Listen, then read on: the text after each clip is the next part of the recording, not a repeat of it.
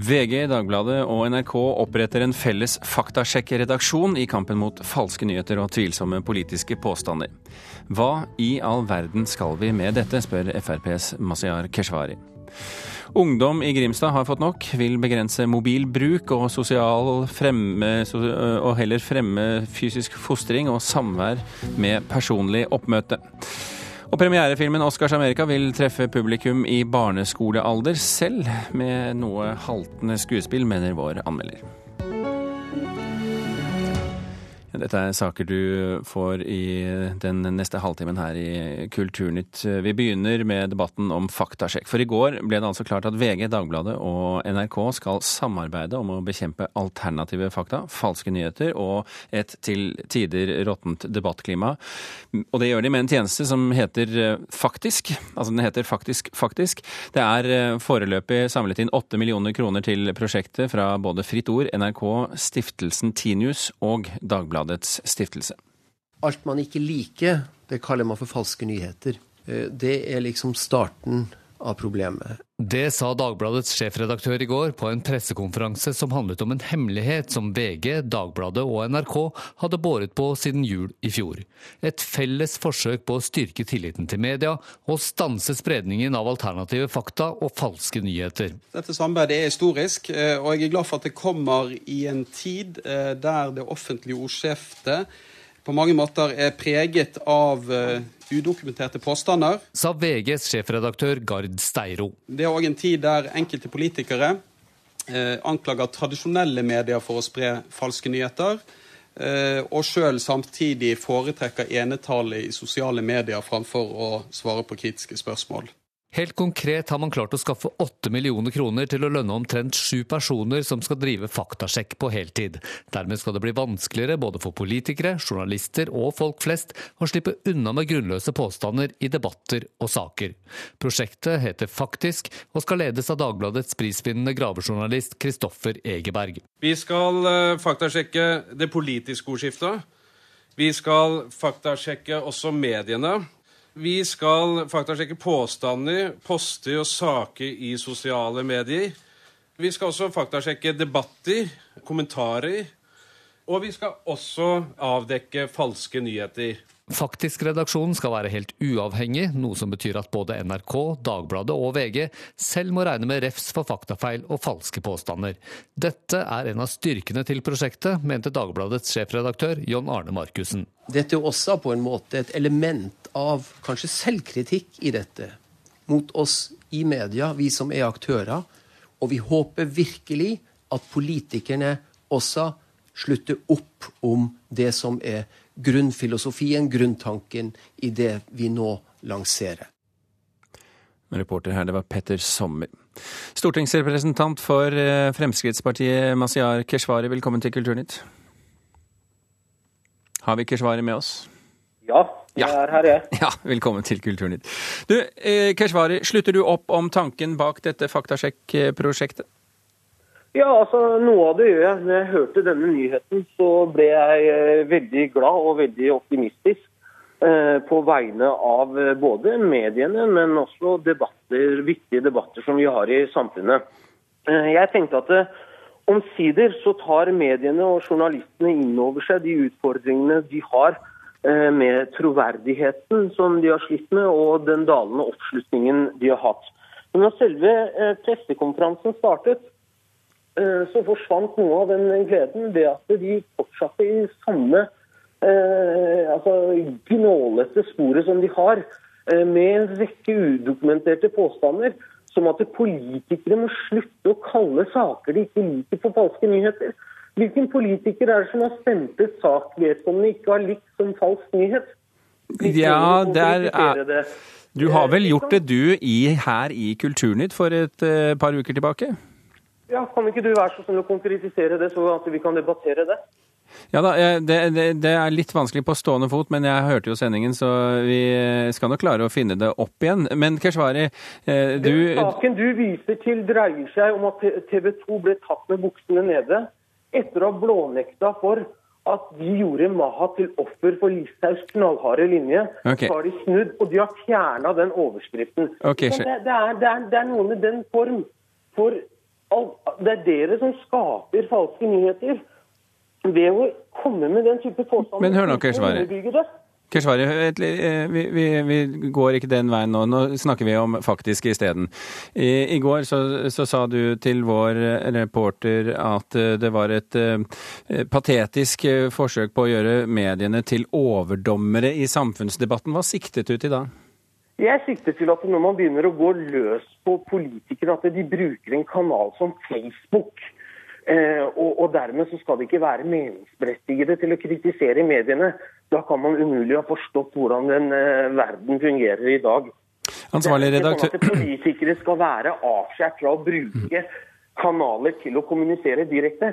Men jeg har ikke opplevd noen politikere som nekter i, i, Norge og nekter å snakke med mediene og svare på kritiske spørsmål, og kun kommuniserer gjennom Facebook, eh, slik eh, VGs redaktør forsøker å gi et inntrykk av. Okay. Og Mediene må slutte å være så hårsåre og ta inn over seg at det er de som har en troverdighetsutfordring. Eh, ansvarlig redaktør for Faktisk, Kristoffer Egeberg, velkommen også til deg her i Kulturnytt.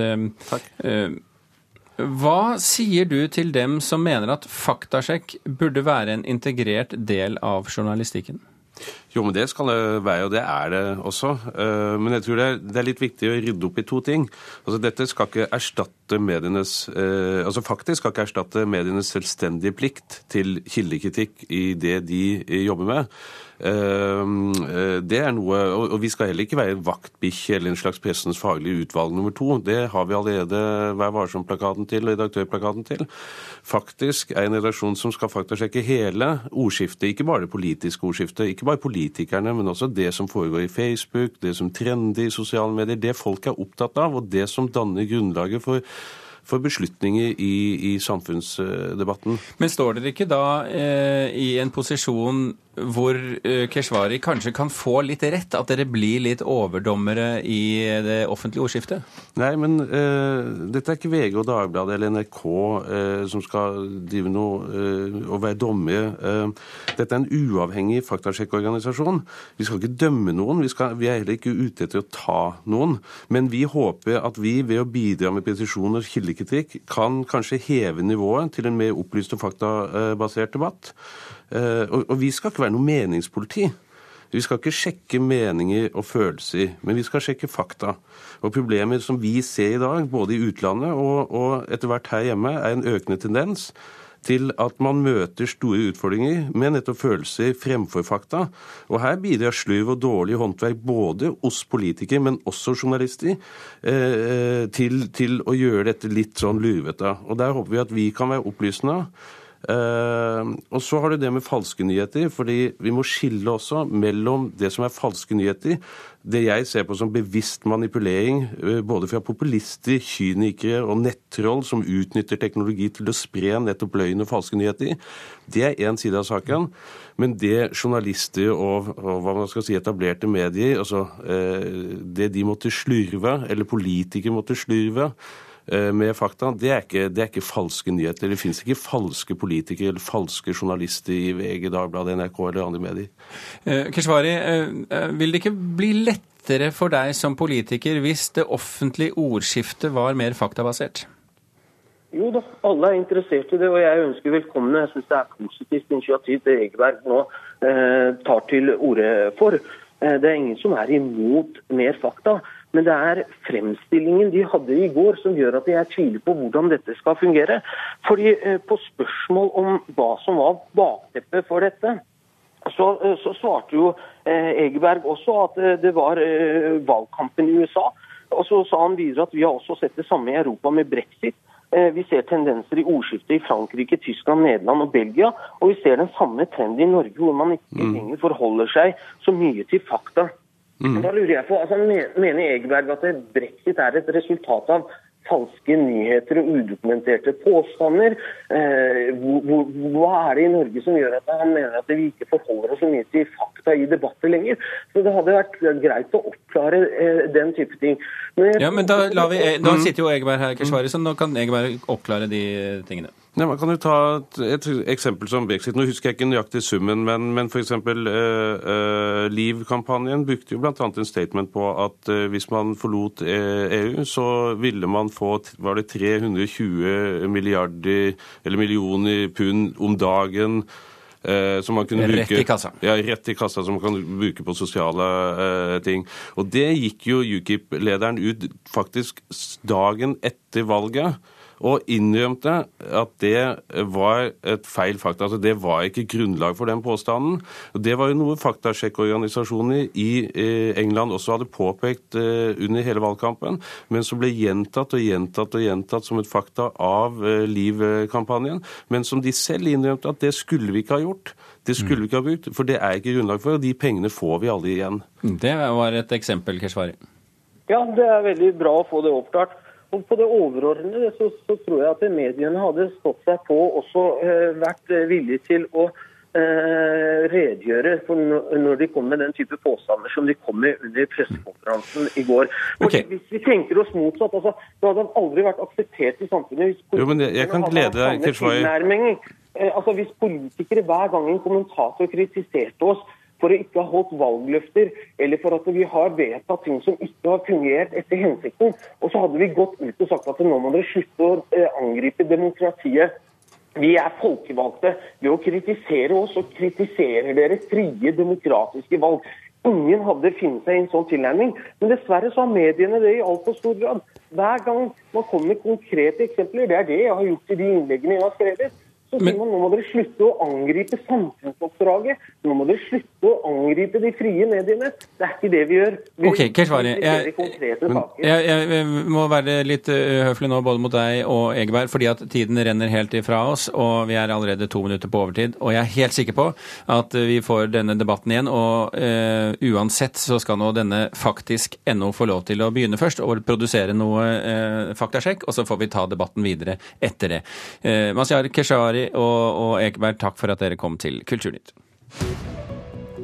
Klokken har passert eh, kvart, over åtte. Du hører på Kulturnytt, altså, og dette er toppsakene i Nyhetsmorgen nå. Danske leger vil ha de samme abortreglene som i Norge, slik at de kan avbryte livet på et foster i magen når mor ikke klarer å bære frem flere fostre samtidig. Norske sjøfolk som seilte i krigssonen under krigen mellom Iran og Irak på 1980-tallet, fikk aldri oppfølging fra norske myndigheter. Norsk Sjømannsforbund mener krigsseilerne ble glemt. Og USAs president Donald Trump bekrefter at han kommer til Nato-toppmøtet i Brussel i mai. Det blir hans første utenlandsbesøk siden han tok over som president i USA. En gruppe barn og unge i Grimstad har nå tatt initiativ til en kampanje som skal begrense skjermbruken og fremme fysisk og sosial aktivitet. Norske barn, og da snakker jeg altså sosial aktivitet med kroppslige oppmøte. Norske barn og ungdommer er i verdenstoppen i bruk av mobil og sosiale medier, men nå syns altså ungdommen i Grimstad selv at det er nok. Man kan fort bli veldig lat og veldig avhengig av at du har på en måte livet ditt på telefonen. Sier 13 år gamle Julie Ayer Aultun. Istedenfor å gå til hverandre og dinge på døra, så er det ofte å sende melding på Instagram eller ringe til hverandre. Hun sitter i barn og unges kommunestyre i Grimstad, som nå ber skolene komme med forslag til en kampanje som kan fremme fysisk aktivitet og begrense mobilbruk i skoletida, på fritida og i ferier. Vi har jo prøvd en del ganger å ha litt arrangementer i friminuttene for å prøve å begrense mobilbruken litt. Og vi ser jo at folk liker jo det. Man liker jo å være sosial sammen når det er noe som skjer. Så det er, jo det, det er jo bra at det blir litt mer av det, da. Håper jo på. Sier 15 år gamle Martine Wallin. Det er jo ekstremt mye mobil. Folk sitter veldig, veldig mye på mobil. Kanskje sitter og chatter med hverandre istedenfor å snakke sammen. Og det er jo ikke bra. Over 90% av alle norske barn og unge mellom 9 og 16 år har smarttelefon og er på nett i snitt to timer hver dag, en tredobling fra 2005. 20% av 13-, 14- og 15-åringene bruker mobilen mellom fire og seks timer hver dag. Nei, Det er jo mange som velger å heller sitte hjemme å holde på mobilen enn å dra ut på trening eller gjøre ting sammen med vennene sine. Sier Martine Wallin. Og det er jo ikke noe bra, for man må jo være ute og være sosial og være fysisk. Og jeg tror jo mobilen erstatter mye av det. I dag oppfyller bare halvparten av 15-åringene minstekravet til fysisk aktivitet, som er én time hver dag. Det tenker jeg er veldig alvorlig. Sier folkehelsekoordinator Kristine Mikkelsen i Grimstad. Det at barn og unge ikke er aktive nok, det vet vi ikke helt konsekvensene av enda. Hun roser de unges initiativ for å få ned mobilbruken, og samtidig bli mer fysisk aktive. Det at eh, de selv ønsker å gjøre noe med det, det er det beste utgangspunktet en kan ha for å få gjort noe med endring. Det er de som vet hva som vil stimulere de til å, å velge annerledes. Reporter her, det var eh, Miriam Grov. Rune Johan Kromsvik, professor i pedagogikk ved Universitetet i Bergen og leder eh, av forskningsgruppen som forsker på teknologibruk i skolen. Velkommen til Kulturnytt. Ja, takk for det. Bør elever i andre norske kommuner lære av elevene i Grimstad, syns du? Ja, Det er jo et eh, interessant forslag de kommet med, og jeg, jeg tror det er veldig velment. slik at uh, Det er vel litt for å få uh, ungdom til å stoppe opp litt og, og reflektere rundt sin, sin teknologibruk. Så I den forstand så tror jeg det er bra at, at andre kommuner med vurderer litt den samme tenkninga. Har du noe tro på at de kommer til å gjøre det? Dette her er jo litt vanskelig. da. Altså, Vi har jo gjort ganske omfattende studier i forhold til, til mobil, teknologibruk i skolen. og vi ser jo det at eh, det er så mange dimensjoner med denne teknologibruken at eh, det er ikke bare å, å stenge den av. Så, så, dette her er nok eh, noe som må gå over tid, men jeg syns eh, initiativet er veldig bra. Men hvordan finner man best balansen mellom det å eh, bruke teknologien for alt det bra den har, eh, og det sosiale aspektet den innebærer, og det å også bruke kroppen sin både til fysisk fostring og til personlig interaksjon? Nei, altså jeg tror vi må se litt på ulike arenaer. Sånn I skolen så er jo det en arena for kunnskap og læring. Og det er klart at eh, eh Våre studier viser det at det med multitasking, f.eks. med mobilbruk eh, inne i klasserommet sammen med undervisning, det, det, går dårlig sammen. Så da må vi rett og slett eh, ha mobilen ned i sekken, slik at en får konsentrere seg om undervisninga. men så ser en da på andre arenaer, altså fritidsarenaer, så, så det er klart at det å holde kontakt med venner er jo viktig. og det er klart Mobilen blir brukt til mye den type aktivitet. Altså bygge nettverk, være på sosiale medier osv. Det kan synes vanskelig å være forelder til uh, ungdom som har sitt eget liv uh, på sosiale medier og med bruk av mobil og i spillverden. Hvilke råd har du til dem? ja, Det er jo et sammensett område, dette her. Men det er klart, det handler jo litt om eh, rolleforståelse her. Altså, Danning eh, går jo på eh, å være i samspill og motspill med, med barna sine. Jeg tror det å være i dialog med ungene, altså både barn og ungdom, prøve å finne fram til fornuftige løsninger på mobilbruk, det, det må være helt grunnleggende. Men er det ikke veldig stor forskjell på hva foreldre mener er fornuftig mobilbruk? Det er det nok. Det er god eh, spredning der. Men, eh, men, det handler jo litt om det at eh, hvis en f.eks. rundt middagsbordet tillater at de fleste sitter med mobilen, så er det klart at den sosiale kontakten og interaksjonen som en bør ha i familiene, den, den uteblir jo. slik at det der er litt sånn sunn fornuft dette her, at vi må prøve å finne balanse mellom å gi naturligvis ungdom frihet til å kunne bruke teknologien, men samtidig også tenke litt videre i et sånn danningsperspektiv. At både skolen og heimen ser litt på hva er, hva er det slags rolle vi har. Altså Som foreldre, f.eks. For Grensesetting er nok en del av rollen. Selv om den er av og til litt kinkig, så, så må vi av og til sette grenser. Ja, jeg, må, jeg, må, nesten be om at vi runder av der. Jeg er Rune Johan Kromsvik eh, ved Universitetet i Bergen. For det er jo et endeløst eh, tema, men eh, Kulturnytt er ikke endeløst langt. Så takk for at du var med hos oss. Ja.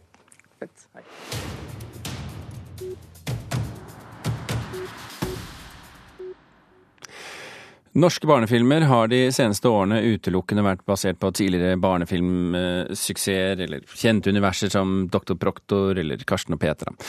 Premiereaktuelle Oscars Amerika er det helt motsatte. Det er faktisk den første norske barnefilmen på seks år som er basert på et originalt manus, eh, altså et originalt skrevet manus. Vår filmkritiker Birger Vestmo tror den kan treffe publikum i barneskolealder, selv med noe haltende skuespill og en stilmessig gammelmodig form.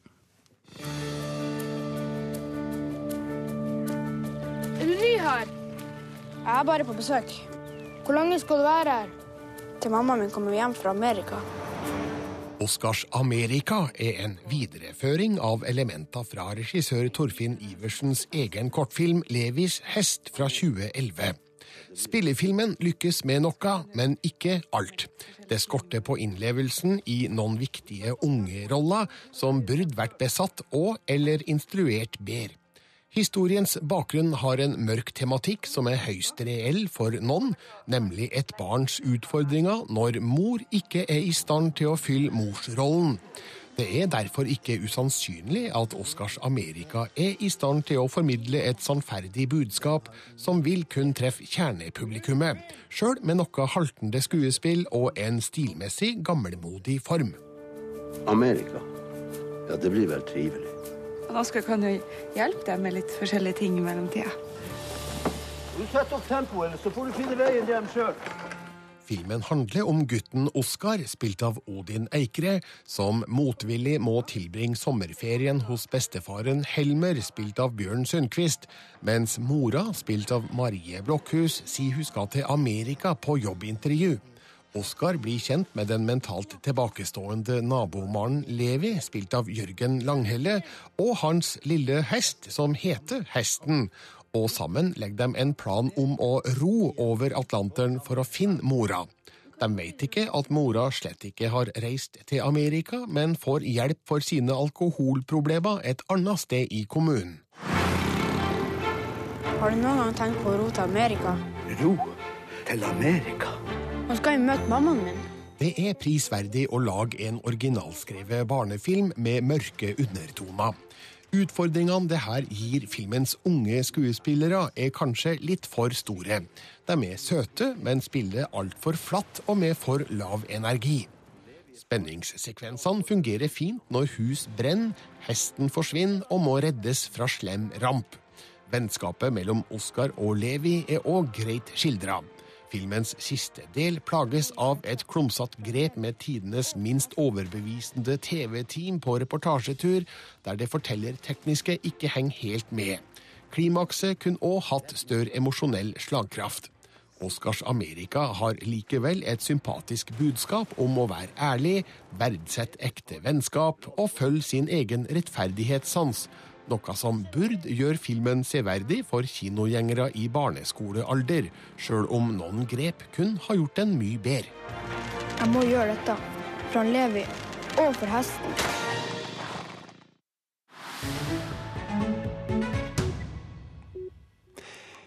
I går ble musikkforleggerprisene delt ut.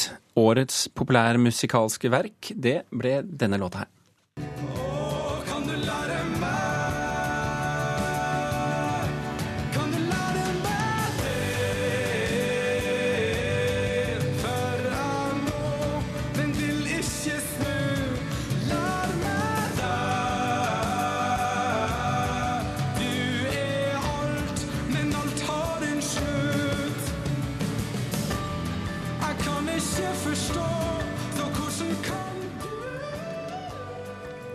Dette er altså Kan du lære meg eh, skrevet og fremført av Christian Christiansen, som verksnodig nok sitter her i studio. Velkommen, Christiansen.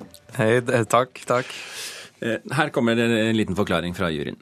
Kan du lære meg kombinerer ulike låtskrivertradisjoner på en original og vellykket måte. Melodilinjen topper det hele med stort omfang og uttrykksregister, og med poetisk bruk av det norske språk. Ja. ja. Kjenner du deg igjen i en sånn uh, uttalelse? Eh, ja, det vil jeg si. Uh, I, I, frykt for å høres litt cocky ut, så ja, så kjenn... Eller sånn det, det, det føles veldig godt ut at, de, at de, de, sier de tingene de sier, da. at de har lagt merke til de tingene de har lagt merke til, for det eh, det er en stor anerkjennelse at de, at de har lagt at, eh, kan man skal si, at de anerkjenner de små eh, tingene vi prøvde ut av med låta. Hva Eh, var de små tingene? Nei, det, det, det er sånne små, eh, små kompositoriske lureting. Eh, som, som på vei inn mot eh, refrenget, så synger jeg eh, Kan du lære meg to ganger, og så går jeg tredje gang opp en oktav over det igjen. Ja. Eh, for å bygge opp låta, og det, og det, det, det er om, dynamikk og. Så det syns jeg, jeg synes det er veldig jeg synes, Ja, jeg det er veldig, veldig deilig at de, at de påpeker det, da. Ja, hvorfor er sånne type kompositoriske grep, da, for å kalle det det, eh, viktig for deg? Hva er det det gjør med musikken, tror du? Eller mener du? Eh, ja, nei, det er vel det å eh, hva man skal si, prøve å Ja, det er bare en del av å prøve å komponere, lage musikk eh, på en eh, Være litt kreativ. Og eh, ikke minst det å på en måte uttrykke det man vil uttrykke med låta. Eh, som i tilfellet der så er jo det en slags en, eh, hva man skal si, en, eh, en desperasjon som bygges opp, da, og Mm. får full utløsning på refrenget. De snakker altså om poetisk bruk av det norske språket. Dette er jo en låt som, som seg hør og bør er Det er jo litt sånn hjertesmerte her. Absolutt. Ja. Uff, det er mye, mye desperasjon og ensomhet her. Ja. Er det lettere å skrive med desperasjon og ensomhet i blikket? Ehm, ja, det er vel egentlig det. Det vil jeg si. Det, når man liksom skriver eh, sånn uh, lykkelåt, så er det vel litt lettere å gå inn i klisjeer. I sånne små feller der man kan fort bli virke litt, litt uh, Er ikke enkel, kanskje. Mm. Men det er jo de som får det til, uh, den kunsten å skrive gladlåter. Men du er ikke der? Kanskje ikke helt enda. Altså, jeg har jo laga ei låt som er litt gladlåt, men eh, men eh, det, er ikke, det er ikke Nei, det er ikke Det er nok melankolien jeg trives best i. Du, du vant jo eh, Årets Urørt for et par år siden. Du har solgt ut eh, Rockefeller i Oslo og, og har et, hatt en bra stigning i karrieren din. Er, stopper den i Norge fordi du synger på norsk? Mm. Eller, eller blir den, når den sitt høydepunkt i Norge, mener jeg? Sånn, ja. ja skal vi se Nei, det er jo vanskelig å si. Eh, ha, altså, skandinaviske språk, spesielt det norske språket, er jo litt grann eksotisk i det siste. Så jeg satser jo på at eh, det blir litt sånn som Sigurd Ros og Aske Trausti, at folk, eh, amerikanere syns det er kult med norskspråklige greier. Man, man kan krysse fingre. Ja. Kristiansen, eh, Kulturnytt er i ferd med å miste restene av den lille tiden vi har igjen. Takk for at du kom til Kulturnytt. Gjermund Jappé og Birger Kolsrud Aasund takker for at dere hørte på.